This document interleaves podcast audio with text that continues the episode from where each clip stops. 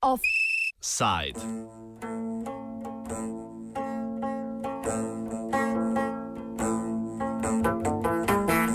Legende.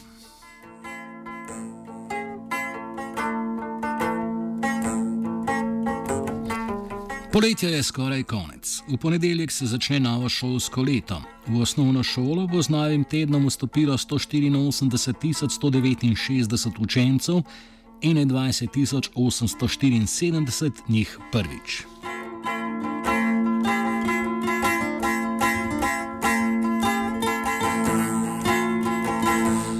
Statistični urad Republike Slovenije navaja, da število osnovnošolcev narašča vse od šolskega leta 2010-2011, ko jih je bilo najmanj v samostojni Sloveniji, to je 161 tisoč.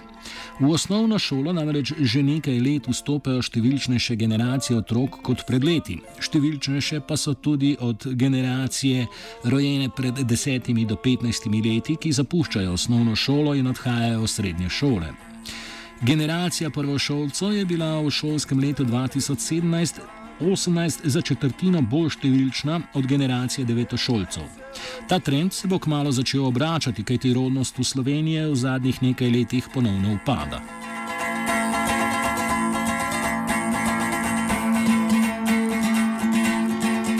Pet podružničnih šol v Sloveniji pa letos, ne glede na večje generacije, ne bo sprejelo nobenega prvošolčka. Število osnovnih šol se sicer ne bo spremenilo, bo pa začasno z delovanjem prenehala podružnična šola eh, Podpreska, ki deluje v sklopu osnovne šole dr. Antona Debeljaka Loški potok.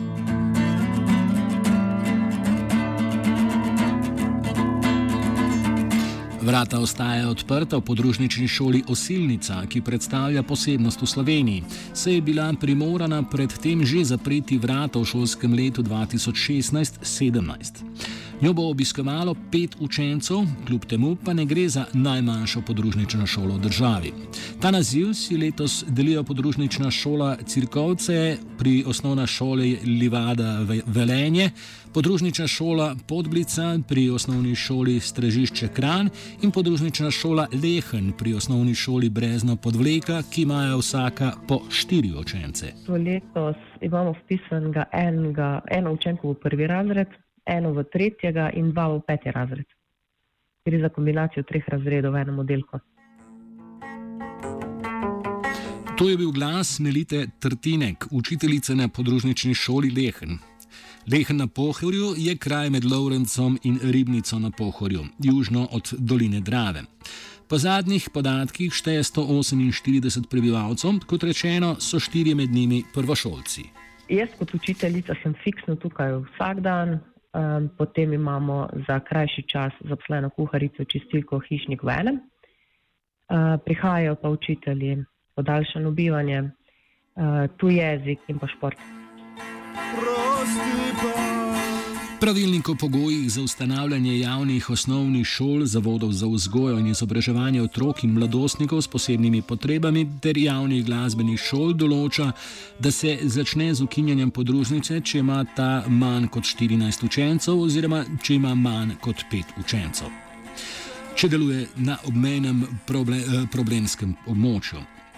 Odločitev o trajnem ali začasnem prenehanju podružnične šole in o ponovnem aktiviranju lete sprejme občina. Ravno s pomočjo občine lahko šola v Lehnu deluje še naprej, kljub temu, da ne zadovoljuje minimalnim zahtevam. Župan občine podvleka Anton Koše. Smo bila zravnatelja tudi na sestanku na ministrstvu in smo predstavljali ta problem, ker v letu 18 in 19 so samo štiri učenci in seveda smo dobili dovolilo, da bo lahko pouk še naprej v tej šoli, z tem, da mi uh, zagarantiramo plačilo, se pravi, materialnih stroškov, ki tak, tak in tak je obveznost občine.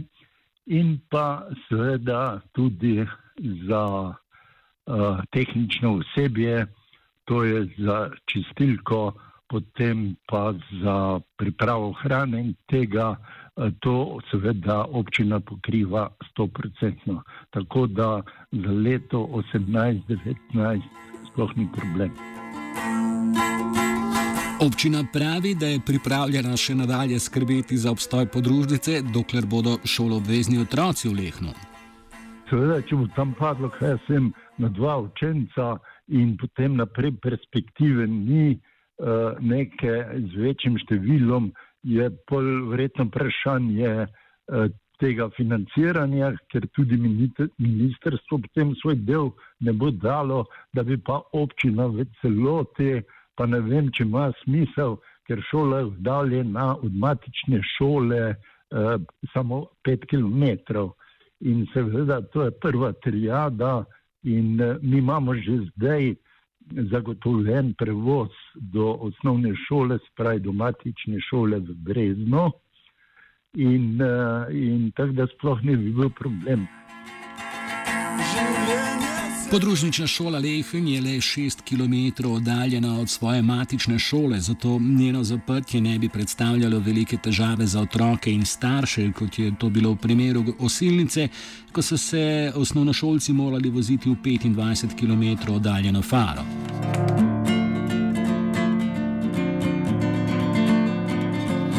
Z osnovnimi šolami je tako, da ni težko predvideti upisa za nadaljnih 5-6 let vnaprej. S tem v mislih eh, Trtinek priznava, da se njeni podružnici bliža konec. Letos so bili um, zelo, uh, kako ne rečem, temu, prizanesljivi še do nas, ker v bistvu je pet minimum, uh, tako da je še občina pač priskočila na pomoč. Da smo še obstali, ampak uh, je pa slabo, zate, tako da ni rojstev, kaj je veliko, tako da bomo verjetno počasi zaključili s šolo v Lehnu. Podpredsednica Društva učiteljev podružničnih osnovnih šol Jolanda Mohar, ki poučuje v podružnični šoli Svibno v občini Radeče, meni, da imajo na ministrstvu načeloma posluh za podružnice. Če je očitno, da gre le za začasno zmanjšanje števila učencev, po pravilu ne zagovarjajo zaprtja. Ministrstvo pač na začetku leta, mislim v maju, nam odobri pač število oddelkov in potem mi to občini posredujemo. In potem je dogovor z občino, seveda, ne? je pa res, da vedno mi pogledamo še tudi, kakšen je naravni prirastek za leta na, na, potem naprej. Kaj se bo dogajalo naprej? Za šest let naprej že vemo, koliko približno otrok bo prihajalo v podružnico. Pri nam pač ne, ne vozijo, noben ne vozi v dolino, ampak vsi vozijo k nam.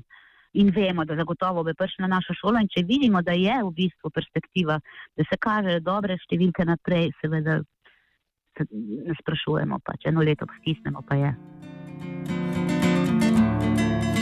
Ob začetku šolskega leta 2016-2017 je za naš radio Katja Bolko, predsednica Društva učiteljev podružničnih osnovnih šol, tako predstavila slabe obete za prihodnost podružničnih šol na slovenskem. Izgleda, da bo podružničnih osnovnih šol v Sloveniji vedno manj.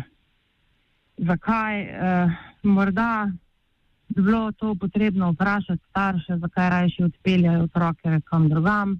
Morda bi bilo to potrebno pa vprašati eh, v državi, zakaj jim je trend, da podružnice zapirajo. Ugotavljamo nekako po statistiki, da se celo, ne samo podružnice, da se tudi število centralnih oziroma matičnih šol zmanjšuje.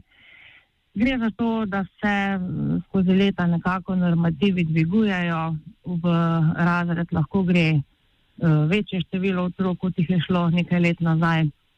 Podružnice pa predvsem, kot vidimo, zadnje čase zapirajo zaradi, ne vem, bom zdaj tako rekla, posluha, ki ga nima eh, občina, posluha, ki ga nima država za majhen kraj. Njena kolegica in podpredsednica društva dve leti kasneje naslika lepšo sliko. Mislim, da podružnične šole ne bojo umirale. Zaradi tega, ker podeželje se razvija, zdaj je trend eh, ekopredelave in tudi trend to, da ustajajo ljudje na domačijah. Jaz osebno se ne bojim za podružnice. Jaz mislim, da bomo obstali.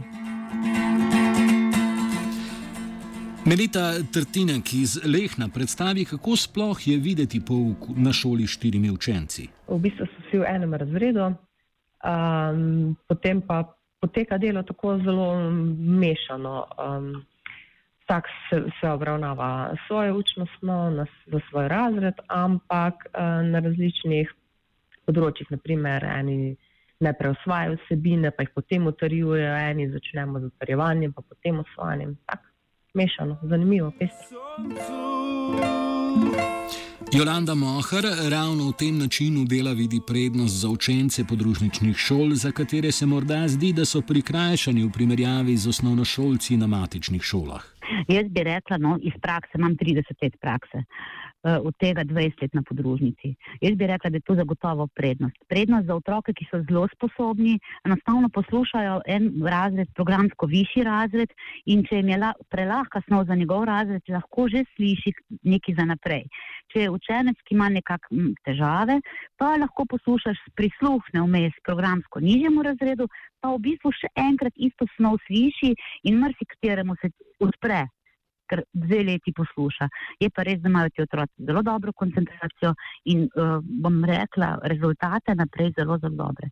Tudi na centralno šolo, mi pa sledimo na naši šoli to, kakšni so rezultati. In moram reči, da naši učenci se zelo, zelo kosajo z uh, centralno šolo in so celo v bistvu kar mal konkurenčni, uh, ko pridejo dol. So tisti odličnaki dol kar mal zmedeni, da, da jim je lahko nekdo konkurenčen. Tako da je pa res, da jih mi zelo veliko vozimo tudi na centralno šolo, da imamo nekatere dejavnosti skupne z njimi, pa da recimo tudi iz centralne šole tisto, kar oni dol nimajo, pridejo k nam pogledati, pa mi predstavimo. To je v bistvu mečken tudi pogojeno s tem, kako šola diha in živi. Ne? Mohar poudarja, da je vloga učitelja na šoli toliko pomembnejša, če gre za manjši kraj. Na podružnici osmi šoli ni dovolj, da je učitelj samo učitelj, da je od 8 do 12 zapre vrata in gre. Učitelj na podružnici diha s krajem. Vse prireditve, ki se dogajajo v kraju, je učiteljica zraven, so otroci. Uh, v glavnem, vse, kar se dogaja na vasi, se dogaja vse v povezavi s šolo. Torej, če učiteljica ne diha s krajem, seveda začnejo vosti v dolino, tudi starši so nezadovoljni in je pa posledična šola umira. Učitelj mora biti dušo in srcem šoli, to je dejstvo.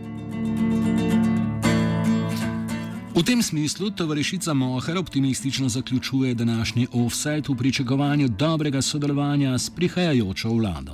Kaj imamo mi željo, da nam prisluhnajo, pa da vendarle enkrat rečejo, da nam v bistvu tudi plačajo za to, kar počnemo, ker mi počnemo več, kot počnejo učitelji, recimo na centralnih šolah. In mi zato, ker smo v kombiniranem modelu, ker napišemo veliko več priprav, ker imamo veliko več prireditev, pa tega v bistvu tega noben ne to njih ne zanima. No. Tako da, da nas bodo samo slišali, da bi radi določene ure, si mi tudi, da nam jih priznajo. To, da mogoče nas bo ta vlada slišala. Upamo. Verjamemo v to, bom rekla, da bomo optimistični. Veliko sreče prvočkom v šolskih in poslanskih klopeh želi Antun.